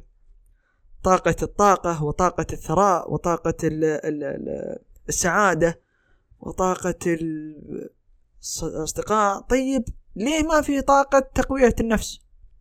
خلنا نمتنع يا أخي على الهشاشة النفسية. يا أخي في واحد مزعجنا اسمه فلاح عن الهشاشة النفسية نبي طاقة ضده. ولك أن تتخيل كيف أن هذه الطاقة كيف تفعل. شوف بالنسبة بالنسبة لموضوع الطاقة يعني الحل الوحيد والمنطقي بالنسبة لي الطاقة ترى جات بديل للناس اللي ما عندها إيمان. أنت لو بتفكر في الموضوع الطاقة هي أصلا إيمانك في الشيء اللي بيصير. بس هو ما يبي يقول إنه هو مؤمن فيها. يبغى يقول لا أنا أحس أنا عندي طاقة جذب أنا عندي طاقة ثراء طاقة أنا أجذب الأشياء أسوي الأشياء زي كذا. أنت لو فعلا آمنت بمهاراتك وبمعرفتك وآمنت بعلاقاتك وآمنت بقدراتك وآمنت في في نظرتك ومستقبلك وطريقة تفكيرك وحسنت من هذا كله وحددت أهدافك بشكل واضح ومشيت عليها وقسمت خطتك إلى أجزاء مصغرة وحققتها على شكل آه، زي ما تقول أهداف صغيرة اللي توصلك الهدف الكبير ممتاز. أنت راح توصل للهدف النهائي اللي أنت تبغاه بدون السخافة هذه اللي أنت قاعد تمر فيها. اللي هي أصلا تستغلك نفسيا. لأنك أنت يا بعيد تنظر لها سخافة ولكن أنا ما أنظر لها سخافة. أنا ك كمستخدم للطاقة. أنا ما أدري إيش يسمونه أنا مستخدم متعاطي. ما أدري يعني إيش المصطلح المناسب له. أنا عبد الله أو متعامل مع أنا الطاقة. عبد الله ما عندي مشكلة يزعلون أهل الطاقة علي بس إنه يزعلون كيفهم. لأن الموضوع بالنسبة لي فعلا موضوع إيمان. إذا أنت مؤمن في شيء مؤمن في فكرته مؤمن في تحقيقه خلاص يكفي. طاقة إيش؟ أنت تؤمن بشيء غير موجود. كأنك تدخل في موضوع طيب مثلا بيجيك سؤال بقول لك والله يا بعيد أنا مؤمن إني آه إني مثلا ذكي. ولكني أنا أحتاج ثراء علشان أنا أحقق هدفي فأنا ذكي أنا ما راح أخذ ما راح أخذ باقة الذكاء. باخذ باقة الثراء. باقة الذكاء. فهمت؟ اي لأن هي باقات. اشترى عليها فلوس ترى. أنا عارف عارف شايف شايف الموضوع هذا. بس أنا اللي أقصده. أنا أفكر إنه مشروع الجاي والله. المشروع الجاي أسوي لي طاقة. بس ما بعد طحت لي على طاقة تناسبني. طاقة تقوية الهشاشة النفسية. ما ما ما أبغى. ما تبي تقوي الناس ما أبغى أقوي أحد. لا شوف أنا عبد الله طريقتي في في الحياة عموما أمشي بالأشياء المنطقية. أنا يمشي معي المنطق. الأشياء غير منطقية تمشي معي في حاجة واحدة اللي هي الإيمان. الإيمان آه طبعا اللي هي مسلمات في الإسلام. هذه أنت في أشياء ما تقدر تشوفها بعينك لازم تؤمن فيها. هذا من يعني من من, من ثوابت الإيمان فيك كمسلم إنك لازم تؤمن فيها. مو لازم تشوفها مثلا الإيمان بالرسول. هل أنت شفت الرسول؟ لا بس أنت مؤمن فيه. ممتاز. خلاص. هذا الإيمان برسالته بمنطقية الرسالة ومنطقية الوحي. منطق هذا كل شيء كل شيء منطقي بدون ما تشوف في أشياء أنت يعني تتفكر فيها لكن لازم تؤمن فيها كواجب عليك من واجباتك كمسلم يعني. فلما هذا من جانب ديني بس لما تجيني في الواقع ما في شيء غير منطقي كله بالمنطق يمشي. أنا الحين تجيني عبد الله تقول لي أبغى أسوي واحد اثنين ثلاثة بالمنطق. كل شيء يتجزأ وكل شيء يتسوى. تجيني بأشياء ثانية تلعب فيها على الناس تستغلهم نفسيا. موضوع موضوع يعني في في استغلال حاجات الناس وفي استغلال للهشاشه النفسية زي ما قلت أنت. ولكن لو بنرجع للموضوع من بدايته يعني ونلخصه أن الهشاشه النفسية هي التربية وليست يعني مو يعني وليدة اللحظة يعني. موضوع إذا بتفكر فيه أنا ترى يعني ما انتبهت لفكرة إنها هي تربية الا إلا الحين في التسجيل يعني. آه لأن الواحد يكتشف فجأة إنه هو هش نفسيا ولا يكتشف نفسه فجأة إنه يعني آه، في موضوع مر عليه وأثر عليه نفسيا ضغطه نفسيا ولا فيستغرب نفسه. أنا مو ما كنت كذا. أنا وش اللي صار ط- طبعا يعني عشان بس يعني يعني ما ما نظلم الفكرة ترى هناك فعلا يعني حوادث مؤسفة نفسية يعني تحدث لل- لل- للأشخاص سواء في الصغر أو الكبر تؤثر عليهم. ولكن إحنا نتكلم عن أنا سميتها حوادث مؤسفة ما يعني إنها حوادث شنيعة. حوادث انت لا تتمناها لا لك ولا لأخيك ولا لمن ينزل عليك صحيح أنا أنا اللي أتفق أنا وياك فيه إحنا الحين ترى والمستمعين اللي بيسمعون. نتكلم إحنا عن الأشياء في وضعها الطبيعي وليست القواعد الاستثنائية. ممتاز. صحيح؟ لأن في النهاية إحنا نقيس بالأصل وليس الاستثناء. ال- الاستثناء ما ابدا ما هو مقياس إحنا نتكلم بال- بال- بالأصل. يعني أنا الحالات بس أنا بس ذكرتها لك لأنه احتمال وارد.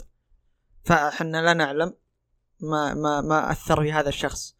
ولا أن أي حق إن إحنا نقول علمنا إيش صار لك. صحيح. وأنا بعد أقول أقيس على كلامك يعني ال- ال- حالات الاضطراب النفسي حالات التوحد حالات الاكتئاب هذه كلها حالات موجودة وواقعية. ما نقلل من قيمتها لكن زي ما قلنا إحنا نتكلم عن الأصل وال- والطبيعي وليس عن الاستثناء أه، ب- بس أرجع ل- ل- لنقطتي اللي هي اللي يقول لك إنه أصبحت موضة. الناس اللي يروحون الأطباء النفسيين في الغالب إنه ما يعلم أحد. لأنه كان ينظر لها إنه أنا مريض. أنا ما أبغى أعلم الناس إني أنا مريض. يعني ينظر لها بعين العار يعني؟ ما أقدر أسميه العار لأن العار يعني شيء كبير ولكن ينظر له إنه نقص في جانب معين في الشخصية. ولا يريد أن يستعمل هذا المرض ضده فيأثر على نفسيته. يبتز يعني. اي فيقولون يا أخي أنت فيك اكتئاب أنت أنت نفسية. م- أعطيك مصطلحات الدارجه يعني أنت نفسية. أنت أصلا قاعد تراجع دكتور. اي أنت راجع دكتور. فاما إنها تجعل من هذا الشخص أقوى أو تجعله اسوء لكن الآن صار فعليا موضه أنا واجهت أكثر من تغريدة آه، يتكلم عن حالته مع الدكتور. إنه والله أنا رحت للدكتور النفسي وما ما يصلح. أنا ما أدري إيش إيش نظام الطب النفسي عندنا هنا في في الدولة. ولكن اللي أنا فهمته من هذه التغريدات انه يقول إنه والله يصرف لي حبوب ولكن ما أثرت فيني معناتها إن حالتي أنا يعني مهولة. مستعصية. لقاله سبب آخر يجعل من أنه يحمل استحقاقية لا يع... أنه مميز. حتى في مرضه مميز. أنا ما في حد مر علي في هذا المرض. أنا الوحيد من نوعي يعني اللي مر علي هذا المرض. أنا أستحق التعاطف لأني أنا أحمل هذا المرض. اللي أصلا قد يكون تشخيص خاطئ فهمت؟ لأنه قد يكون نفس الطبيب النفسي اللي في منصة آسك اللي يقول راجع طبيب نفسي. يبي يزود يعني مدخول. طيب أنت الحين تشو- تشوف فيه آه ترويج لفكرة إنك المفروض ما تكون إنسان عادي؟ العادية غلط؟ إنك تكون طبيعي؟ إنك تكون عادي يعني زي أغلب الناس خلاص. ناس تقوم الصباح تروح الدوام ترجع تتغدى تنام تروح السوق. إنسان طبيعي. ممتاز. أنت تشوف هذا طبيعي صح؟ هذا وضعه طبيعي. طيب. في ترويج إنه لا المفروض ما تصير زي كذا؟ لا لا أنا أقول لك هل أنت تشوف إنه أنا ك... كفلاح أنا أخويك وأعزك واغليك هل تشوف إني أنا كفلاح أنا مهتم باللي أنت قاعد تسويه؟ هذه الحاجات الطبيعية اللي أنت تسويها. إنك أنت ب- بتنام تصحى تداوم تاكل تشرب تروح. هذا طبيعي عند الناس كلها. طبيعي كله صح؟ تخيل إني أنا يوميا أنا أشارك هذا الشيء ولكني ما أشاركه بالطريقة الطبيعية. ما أقول لهم والله أنا نمت ولا أنا صحيت. لا يا أخي الأرق هذا ما خلاني. ليه أرق؟ من التفكير الزايد. تفكير إيش؟ مشاكل وهموم. ليه؟ والله يا أخي حياتي صعبة. طب كيف صارت صعبة؟ والله انت ما تدري باللي أنا مريت فيه. تلقاه سهران يلعب كود. رقد الساعة ثلاث صحى ست غصبا عليه عشان دوام بصمة ولكنه قرر إنه يهول أو يضخم من هذا الشيء. فاصبح أصبح مو مو موضوع مو موضوع الان الآن في هذا في هذا المثال مو موضوع هشاشة نفسية هو موضوع جلب تعاطف. إي ليش ليش الناس تسعى لجلب التعاطف؟ وش اللي ناقص فيها عشان تبغى التعاطف؟ هذا الممتع بالنسبة لي. أنا إنسان أحب الأجوبة. فلذلك أنا ما خليت مكان في المنصات إلا وحطيت لي مكان. منها السيء ومنها الجيد. لقيت جواب للسؤال هذا؟ لقيت أجوبة. لقيت أجوبة ولكنها لا تقاس على الجميع. حالات يعني في ناس اكتشفت انه فعلا لا يملك ولا صديق واحد في الواقع. فيجلب التعاطف عشان نكسب علاقات. لأنه خلاص هو صار يعيش في في في هذه السحابة السحابة الإلكترونية. إن أجدت التعبير. أنا ما عندي أصدقاء إلا في هذا المكان. في ناس أنا يعني قابلتهم. في ناس أنا قابلتهم آه، يعني تعرفت عليهم في البرامج وقابلتهم على أرض الواقع. كان متمسك متمسك بالأشياء اللي أنا أعرفها عنها. قلت ممتاز. هذه من الحيطة والحذر إن أنا أول مرة أقابلك. ما راح تعلمني بكل شيء يعني ولا راح تثق فيني. أنا أجد أصلا أنا أجد إن الثقة غباء أنا أصلا ما أثق فيك. أنا طالع معك لأن أنا عندي فضول. أنا أحب أتعرف على الناس كلهم. قد يعني يمكن هذا يكون أول لقاء وآخر لقاء. ولكن كذا منهجيتي اكتشفت إنه مو متمسك. هذا كل ما يملك. آه هذا اللي عنده بس. هذه محصلته البرنامج اللي أنا وياه فيه. طيب مهتم في في مجال معين؟ في في الأدب في في الرياضة في التاريخ في الدين؟ في يا أخي في الممنوعات. ما عندي مشكلة بس عندك مجال مهتم فيه أنت؟ أجد إن الحاجات اللي إحنا قد سولفنا فيها في البرنامج يعيدها لي مرة ثانية. وهذا هذا شيء يعني أنا ما توقعت إنه يصير لي في يوم من الأيام. لأني ما عرفت أعيد نفس الكلام اللي أنا قلته له في وقتها. أنا خلف الشاشة هو ما يعرف الشعوري يعني قد يكون يا أخي يكلمني وأنا أرتب شنطة. وأعطيه الانطباع إن تراني مركز في موضوعك. عشان كذا قلت لك إنه من السهل إنه تقنع الشخص اللي أمامك في الجوال أو في أي مكان بأي فكرة أنت تبغاها. فعشان يعني إني أنا استطردت واجد آه، آه، أصبح إنه يريد جلب التعاطف. هذا أول سبب. لماذا يريد جلب التعاطف؟ لأنه لا يريد أن يكون منبوذ. يعني هذه هذه هذه ملاحظاتي أنا فقط. لا يريد أن يكون منبوذ أو أنه آه، يرى فيك ما لا يجده في نفسه أو أنه يا أخي قد يستغلك. قد يستغلك وأنت ما تدري. كيف يستغلك؟ هي تعتمد على البرنامج اللي أنت موجود فيه. كنت في تويتر فقد أحاول إني أصل لك لأن أنت عندك مشاهدات عالية. ولا ما يسمونها مشاهدات في تويتر. إيش يسمونها؟ آه، لايكات ريتويتات آه لايكات ريتويتات يعني كله. إيه لأن تعرف أنا أنا ما أستعمل تويتر إلا كنت عشان أطلع إجازات الجامعة. خلاص الجامعة راحوا وراحت الجامعة فما عاد صرت استعمله يعني. راح تويتر مع الجامعة. إيه ف إذا عندك لايكات وتغريدات كثيرة أعطيك هذا أنا ما أعطيك إنه إن هذا الشيء الصح. أو ان هذا الشيء اللي صاير. أعطيك الحاجات اللي أنا قدرت ألاحظها. يعني عجيب لما تشوف كيف طريق يعني طريقة تكوين العلاقات الفترة أو الحقبة الزمنية هذه زي ما ذكرت أنت يعني صح من أول يعني ما عندك الا الجيران الأصدقاء المدارس الجامعة الوظيفة الحارة آه، يكملون معك هذول الناس. حتى ذكرتني بنقطة. أه لو تلاحظ إنه في في الحارة في المدارس وفي إلى آخره إنه أنت تقابل مع شخص غريب إما تتآلف القلوب إما تتوافق الأفكار إما الاختلاف يجعل منكم ينجذب إلى الآخر. الآن أنا أتيك بمنظور آخر. يعني كان هناك أفكار خلينا نحطها في مظلة الأفكار في في المجتمع في العالم الواقعي. في أفكار قد ألتقي أنا وياك في فكرة فنصبح أصدقاء.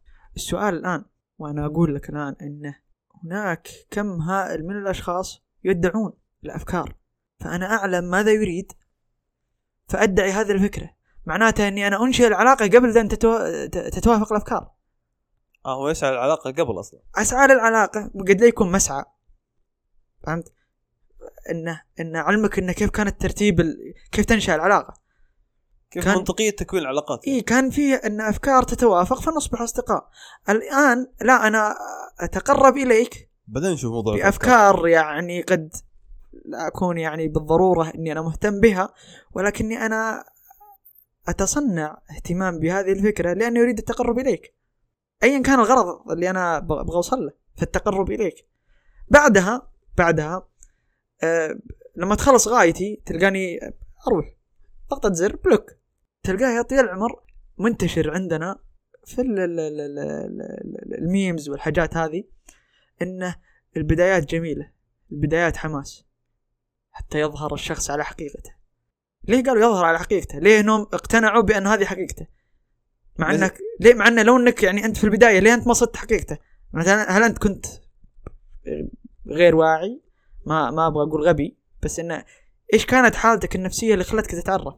فليه اني أنا ما تداركت الشيء هذا إلا متأخر اللي هو نفس الإدراك المتأخر وهو مو بشرط إنك أنت تكون مدرك بدري لأن أحيانا أنت ما تقدر ما تقدر يعني يعني تتعرف على حقيقة الشخص من من البداية يعني. ليه؟ أنا أعطيك سبب أنا قد أظنه سبب ليه؟ لأنك تتعرف في حيز جمهور أنت كيف؟ تتعرف في منصات قد يكون فيها ال- ال- الرسائل الخاصه ولكنك تبني انطباعك عن الحاجات الثانية فتلقاه يقول كلمة ومعاه متفقين اثنين ثلاثة. أنا ما أتكلم عن المشاهير أتكلم عن الأشخاص العاديين. فقد يكون إنه بلا وعي بلا وعي منك أنت شفت إنك تتفق مع الاثنين ثلاثة اللي اتفقوا معه. فتعرفت عليه. ترى ترى آه هذه فعلا موجودة في تويتر بالذات يعني. أنت لما تقرأ تغريدة ومبدئيا قبل تقرأ الردود اللي عليها وما اتفقت أنت بينك وبين نفسك ما اتفقت مع الفكرة المكتوبه لكن قلت خلني بقرأ المنشن تحت. فلما تنزل وتلقى الناس مثلا متفقة معه أنت تبدا تشك في نفسك. هل أنا صدق فكرتي صح ولا هو غلط؟ فتقول يا ترد تتفق معه ولا خلاص تمشي ما ترد. احمد هذه- أحمد شوقي يقول آه، آه، قف دون رأيك بالحياة مجاهدا. إن الحياة عقيدة وجهاد. جهاد إثبت عند رأيك يا رجل. هذا وأنت خلف شاشة. كيف بالواقع أصلا؟ إذا أنت ما قدرت تثبت أمام رأيك خلف شاشة. فهل تتوقع إنك تثبت أمام رأيك قدام أخوياك؟ لا تروح بعيد لا تروح مج- إيه. مجتمع اكبر إيه ما ما ما أبغى ما, ما بستضيفك أمام جمهور هائل. أخوياك. استراحتك بس. إيه. هل هل بتكون ثابت أمام رأيك؟ صحيح. فهمت؟ حتى من ضمن الحاجات يوم قلت لك إنك تتعرف في ضمن حيز وحيز جمهور اللي هو الوسيط بينك وبين الشخص هذا اللي تعرفت عليه. إنك تتعرف مع مع جمهور. لاحظ ال ال ال الترندات. ترندات آه أدخلها للأمانة. يعني إذا طفشت تلقاني أدخلها وأشوف. فأقرأ. طبعا اني أنغث ولكني أقرأ. فأتفاجأ انه كم هائل كم هائل. أو خلنا خلنا اقسمها لك على مجموعات. في مجموعة عندها حب إنها تكون هي المنصة الإعلامية. تبغى تنقل الخبر الأول الحصري. والله فضيحة. والله يا أخي إنجاز. هو يا أخي ايا كان أبغى أكون ال- الحصري. أنا الخبر عاجل أنا. أنا أغير اسمي من فلاح إلى خبر عاجل. فتلقاه يودي يتقاتلون علشان إنه إيش؟ يصل إلى المقطع. ثم الجزء الثاني يبحث عن هذا المقطع أو هذا الخبر أو الفضيحة أو ايا كان. خلينا نسميه الخبر. الجزء الثالث مجيش أنا ما شوف أنا ما ما أحب إني أبالغ ما أحب إني أبالغ في في الأشياء هذه حتى لا أكون من ضمن ال ال ال ال ال الأشياء اللي أنا نهيت عنها في بداية ال- ال- التسجيل. ولكن هناك تجيش ولكنه تجيش لا من- وعي. نعم من وجهة نظر الكاتب. هناك هيمنة اللاوعي على الجمهور. كيف يتم ذلك؟ يظهر الخبر الشخص هذا أنا أحبه لأنه يضحكني. بدون ذكر أسماء فلان ولا فلان ولا فلان. ففي اللحظة اللي طلع عليه خبر سيء دخلت لقيت ناس يدافعون دافعت. أنا دفعت ال- الشيء الأول لأني أنا أحب هذا الشخص. الشيء الثاني لأني لقيت من يعزز. الفكرة مهيمنة. إي إنه يا أخي والله يا أخي صدق. يعني مو بين الحال اللي أنا أحبه. أصلا لو إنه مو مظلوم شفت الأفكار لو مو مظلوم ما كان دافع عنه الناس. هنا ما هو موقف هو ما تكلم عن نفسه ولا عن موقفه ولا عن فكرته هو مشى مع ال مع ال مع الناس. مع التيار. مع التيار اللي هو كان ينتظره. يعني لاحظ إن هذا التيار ما هو بإنه قالوا تعال وادخل فيه لا هو كان يدور التيار اللي وين اللي يحبونه مثلي. روح في الجانب الثاني. بس على إنه أنا ما أحبه. ما صدقت على الله إني لقيت تيار ترند. كامل يسبه. أدخل معه على طول. تلقاني تابعته يمكن في 2012 فهمت؟ وما جاء عليه مشكلة من سوء حظه ما جاء إلا 2020 وأنا خلاص أصلا نسيته. يعني أنا يود في الفترة الزمنية ذي اللي راحت كلها أنا ما كنت اتابعه بس يوم لقيتها قلت فرصة. فرصة هذه هي. خلني أفرغ مشاعري عليه. وأدخل يا طويل العمر وتلقاني أبالغ حتى في السب.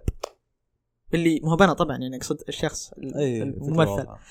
فهذا ل- لأنه لأنه يدخل في في حيز الجمهور هذا. وفي هيمنة اللاوعي. لاحظ أنه في جانب ما ودنا الحين يعني ما نذكره انه في ناس إنه ما زال في ناس عشان كذا يقول لك الناس باقي فيها خير تذكرك بانه يا أخي استر على أخيك المسلم. من ستر على مسلم ستر الله يوم القيامة. ومن ضمن الأشياء هذه اللي اللي اللي لو ينظر لها الف... ينظرون لها الناس في هذه الفترة الزمنية آه إنه يا أخي ندري. لاحظ ان ندري يا أخي. هو ما يحتاج إنك تذكرنا عارفين؟ مع أنه هو نفس الشخص اللي يحتاج له شرح للبديهيات. في كمية تناقضات في المجتمع لو بتطالع فيها ترى ما ما راح نخلص منها. الحمد لله إن ربي ربي يعني رزقني إني أستمتع على هذه التناقضات. يعني الحمد لله. يعني ولا كان ولا كان أنا الآن عند طبيب نفسي. كانت الحين هش نفسي. أنا كاني أنا ما ما أقدر أقول أنا هش ولا ماني بهش. أكيد أكيد. فهمت؟ ولكن كل إنسان في جانبه يعني. إيه ولكن يا أخي أحمل أحمل أقل معايير الرجولة.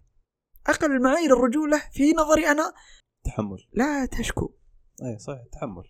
لا تشكو للناس جرحا أنت صاحبه. ف هذه من ضمن ال- ال- ال- ال- الحاجات اللي اللي اللي كنت أقولها لك عن عن إنه الناس تجتمع تكون فكرة ليس بالضرورة هم اللي كونوها فيدخل شخص من ضمن هذا التيار فيصبح مؤمن بهذه الفكرة. و- وترى يعني تبغى مثال يعني أفضل انظر للأحداث التاريخية اللي وصلت. ما أتكلم الأحداث القريبة أتكلم الأحداث القديمة. حتى في في كتاب هذا كتاب سيكولوجية الجماهير يقول الناس مهتمة في بداية المشكلة واحداثها ونهايتها ال- ال- الأضرار التي حصلت كيف عادوا بعد هذه الأزمة. ولكن ما أحد ينظر إلى التفاصيل. هي التفاصيل اللي أنا أحاول إن الناس يعني تركز عليها. اللي هو البرد في الجانب الآخر يا أبو عيد عندنا مارك مانسون. قال في أحد كتبه إنه لم تعد أزمتنا مادية بل هي أزمة وجودية أزمة روحية. آه، أما أنا يا أبو عيد أنا أجد أن ازمتنا ازمه لغوية. وهذا الجانب الأخير في حديثي معك. هناك آه، لا أعلم ما ما ما أسميها. هل هي قلة فخر أو إنها ضياع هوية أو لا أجد المسمى المناسب لها. ولكن أجد أن اللغة العربية لم تعد بالنسبة لهذه الفترة الزمنية شيء يعتز فيه الإنسان في مجتمعي. لذلك أجد أن من المصطلحات المنتشرة الآن آه، لما تنصح أو عفوا آه، ما تسمى نصيحة لما تتنمر يسمونك الهيتر. أن أنت من ضمن جماعة الهيتر. آه، شخص يحاول أنه يرتقي بك معه إلى إلى القمة ولكن القمة تحتاج إلى طريق صعب. فأنت هش نفسيا فما يناسبك الطريق الصعب. فتسمي العلاقة هذه toxic أمثلة واجد. فيجن بروناون positive energy أشياء لا أعلم لا أعلم لماذا لماذا هذه الموضة. لم أجد سبب كافي لهذه الموضة. أنا ما أقلل من اللغة الثانية. أنا أخذها وأدرسها من أجل العلم. قد أخذها وأدرسها وأزيد عليها من عندي. ولكن ما أجعلها لغتي الأصلية. استعملها لغايتها الغاية فيها يعني ما, أنا ما لا. أستبدلها باللغة اللي لنا. أنا لا أرى أدق وأفضل من اللغة العربية في جميع المجالات. في في في الوصف. أنت تعاني من هشاشة نفسية. أجد أن اللغة العربية تستطيع أن تصف هشاشتك النفسية. أو عفوا أنت لا تبحث عن ال- ال- الوصف. أنت تبحث عن التعظيم والمبالغة. هناك أوصاف كثيرة في اللغة تجعل من من مشكلتك النفسية أزمة أمن قومي. لذلك هي لغة تحمل تحمل هندسة تحمل هندسة في في مفرداتها تحمل فكر.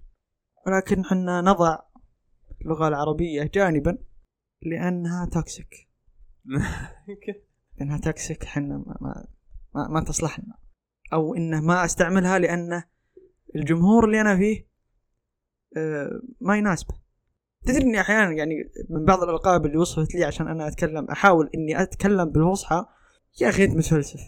أجد إن عنوان الفلسفة هي وادي واللي أنا قاعد أسويه في وادي ثاني. آه هي كمصطلح ف- فلسفة يعني ك- كفكرة عن الكلمة نفسها يعني. أنا- إن- إن الشخص اللي يتكلم فصحى أو يعني يدعي الثقافة ويدعي يعني هم يعتقدون إن الفيلسوف هو المدعي. ممتاز. أنا راضي بأني أنا أكون أدعي الفصاحة ولا أدعي ال... على ان يدعي اللغة الإنجليزية صحيح؟ أدعي ال- والبروناون وهذه ترى كلها يعني من المجتمعات اللي ظهرت. يعني هناك مجتمعات كثيرة. يعني لعنا إحنا ما تطرقنا عنها لأن إحنا ما نبغى الخوض في مثل هذه المواضيع.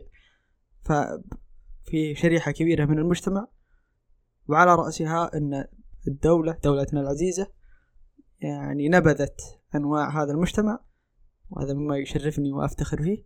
ففي في الختام اللي أنا أراه مناسب أنا لا أطلب بأنك في يوم وليلة تصبح عالم ولا أطلب منك أن تقتنع.